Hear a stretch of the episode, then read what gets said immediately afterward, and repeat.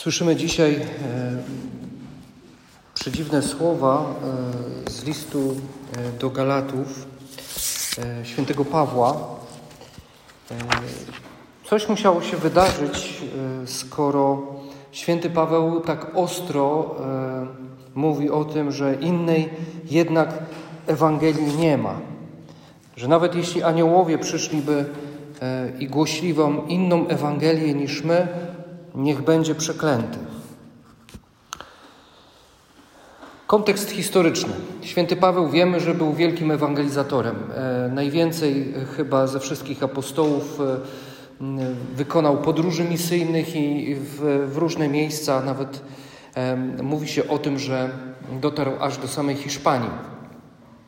Oczywiście wiemy, że święty Tomasz też i Indie, ale biorąc pod uwagę to, w jaki sposób tam święty Paweł kołował, to można powiedzieć, że święty Paweł no, tych kroków z Ewangelią zrobił najwięcej. I sytuacja przedstawiała się w taki sposób, że święty Paweł szedł, głosił kerygmę, czyli głosił Chrystusa zmartwychwstałego, głosił, co głosił? Głosił zbawienie w Chrystusie. Był heroldem Bożego Słowa, czyli ogłaszał, stawał po prostu i ogłaszał: Zbawienie jest w Chrystusie. Inaczej mówiąc, e, mówił: Jesteśmy z łaski zbawieni przez wiarę. Dla dobrych czynów, które Bóg przygotował dla nas od założenia świata, jak to potem napisał w liście do Efezjan. A zanim, kiedy szedł już do następnego, następnego miasta, za nim szli też chrześcijanie, ale zwolennicy innego nurtu, e, tak zwanego nurtu świętego Jakuba, e, takiego, który raczej nakłaniał tych chrześcijan, pogan, do tego, żeby jednak stosowali się do pewnych tradycji żydowskich. Zobaczymy to jutro w dalszej części, jak to święty Paweł e, e, sprawił reprymendę e, świętemu Piotrowi właśnie też w tym kontekście. Ale to jutro. Ale to jest ciekawa rzecz. Zobaczcie, że od razu za świętym Pawłem szli ci zwolennicy takiej, takiego trochę innego podejścia do chrześcijaństwa i już nakłaniali tych pogan do tego, żeby się obrzezali, żeby zaczęli też wchodzić w tą tradycję żydowską. I święty Paweł mówi: Nie, nie wolno tak. Nie, mo, nie, nie można w ten sposób. Dlaczego? Dlatego, że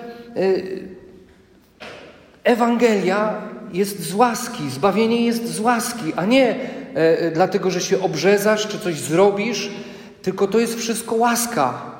I on tak mocno był o tym przekonany, że no, ostro, ostro tutaj walczy i mówi: Nie, nie zgadzam się na te rzeczy. Nie wolno czegoś takiego robić. Myślę sobie, że trochę podobną sytuację mamy dzisiaj też w kościele. Cały czas ta jakaś taka walka jest właśnie o to, często się słyszy, no wy to księża dzisiaj to tylko o miłości Bożej mówicie o miłości, a grzech, a ta sprawiedliwość, gdzie ona się podziała? Wiecie, innej Ewangelii niestety nie ma, jak Ewangelii o Bożej miłości. O co tu chodzi? Tu nie chodzi o to, żeby pobłażać grzechowi. Tu nie chodzi o to, że hulaj duszą, piekła nie ma, no bo jak wszystko jest z łaski, zbawienie, prawda, nic nie trzeba robić, po prostu tylko sobie usiąść i po prostu czekać na pańskie zbawienie. Nie.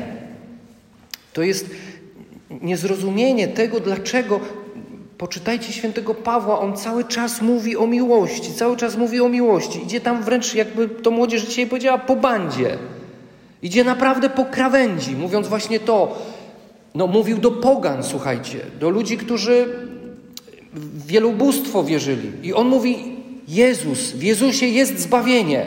Chrystus umarł, Chrystus zmartwychwstał, Chrystus powrócił.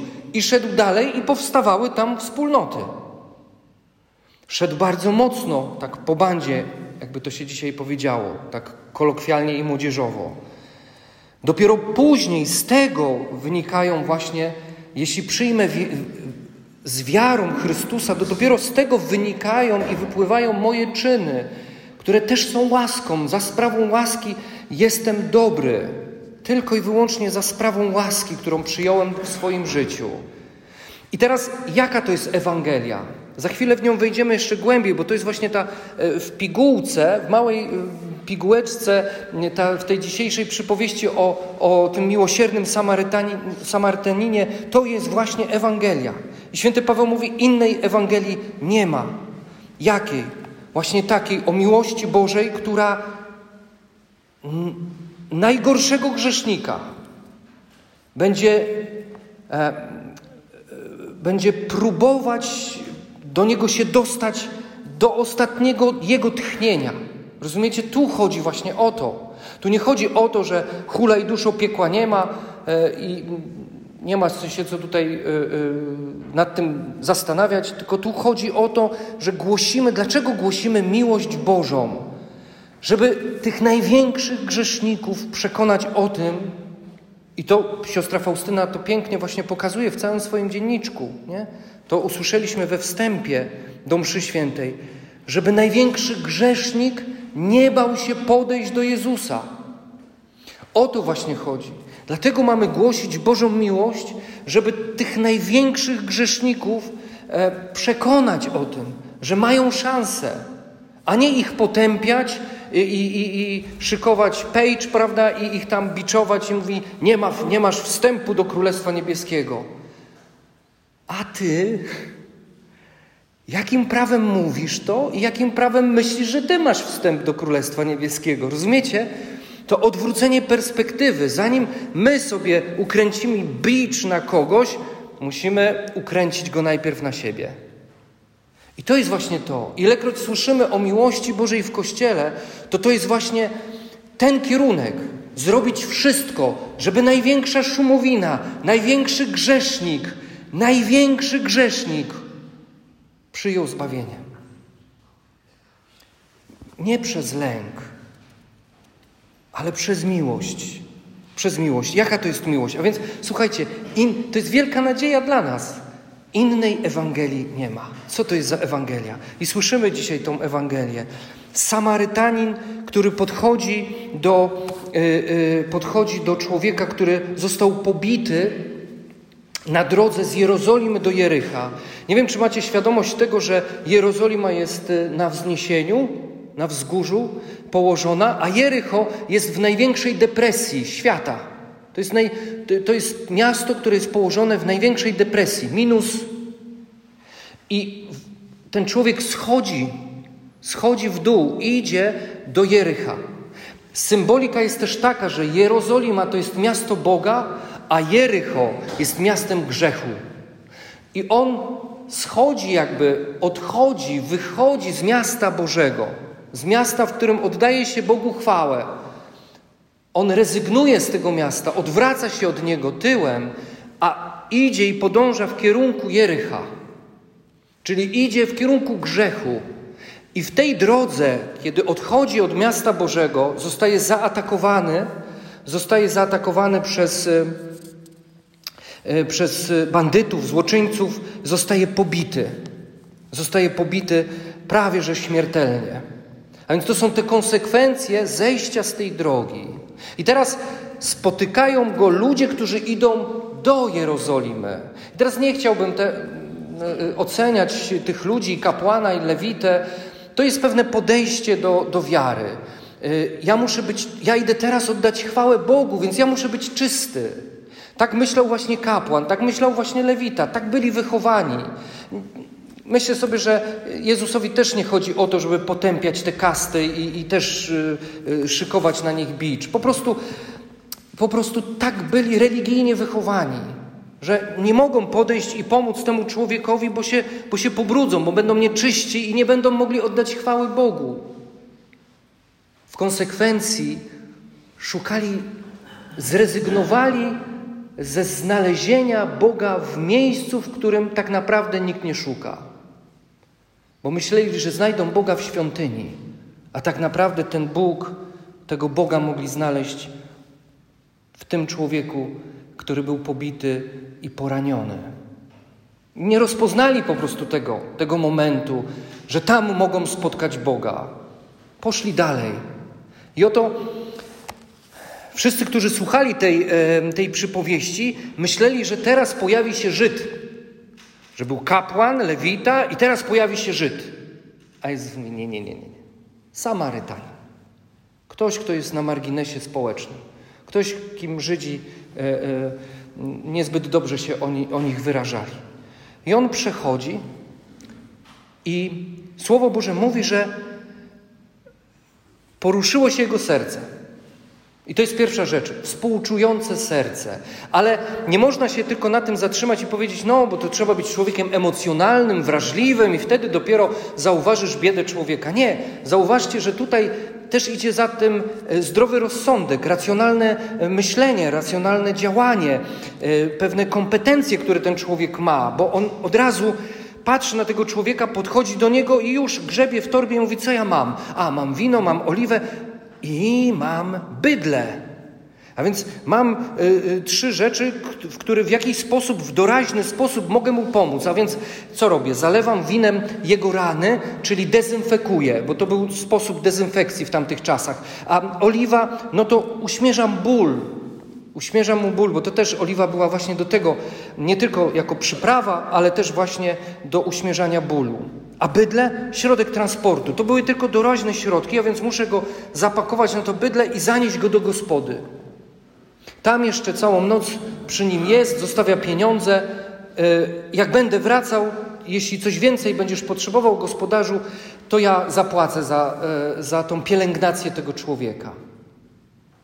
Ojcowie Kościoła mówią i upatrują w tym Samarytaninie Jezusa. To jest niesamowite porównanie.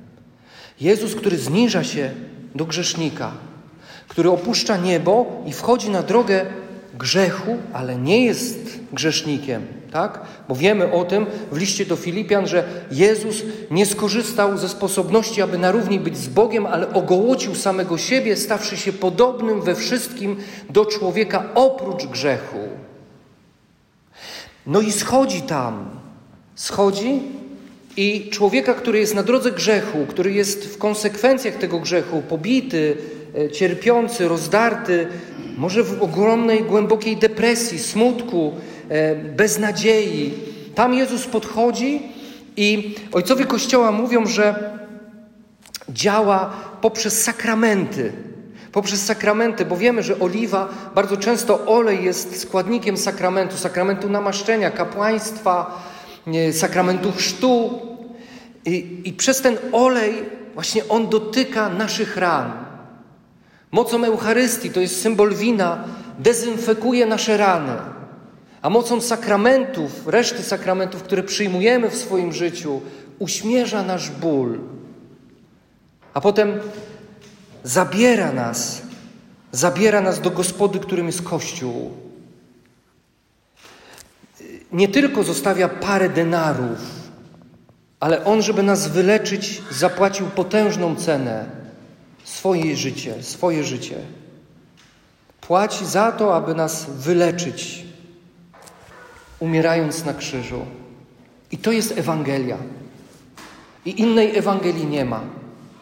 Musimy na to patrzeć, e, musimy to widzieć w swoim życiu. Musimy to widzieć, żeby nie przegapić e, właśnie tego momentu, być jak Jezus, ale też i w stosunku do siebie, do swojego życia pamiętać o tym, że tak właśnie Jezus postępuje.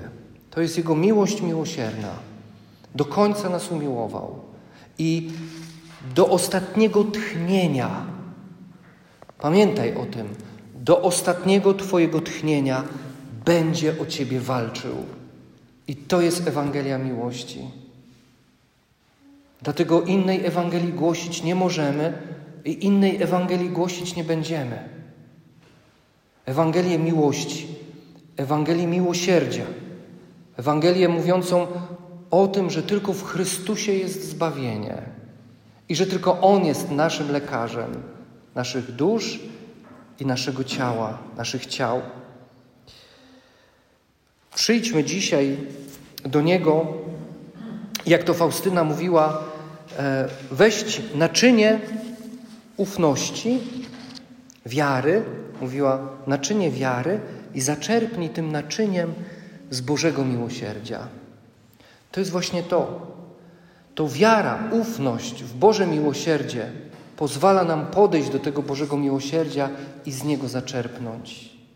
Nie lęk, nie strach, ale ufność. Wiara w to, że Bóg mnie kocha w Jezusie Chrystusie, że oddał za mnie wszystko, co miał, że zrezygnował ze wszystkiego, byle ja, bylebym ja mógł żyć. I tylko to powoduje, że następuje dynamizm, dynamika w Twoim życiu, że zmieniasz kierunek swojego życia, że przestajesz iść w kierunku Jericha, a zaczynasz iść w kierunku Jerozolimy, miasta świętego, miasta Bożego. Zaczynasz kierować się e, w stronę doskonałości i świętości. Tylko spotkanie z takim Bogiem może nas odwrócić z drogi grzechu. Tylko spotkanie z takim Bogiem. I Jezus nam to pokazuje dzisiaj. Pamiętaj o tym. E, jeśli komukolwiek będziesz mówił, głosił Ewangelię, pamiętaj o tym. I jeśli przyjdzie taki moment, gdzie e, Ty będziesz leżał pobity w swoim życiu, to pamiętaj też o tej Ewangelii e, i wołaj do Jezusa. Jezu, ufam Tobie. Jezu, Ty się tym zajmij.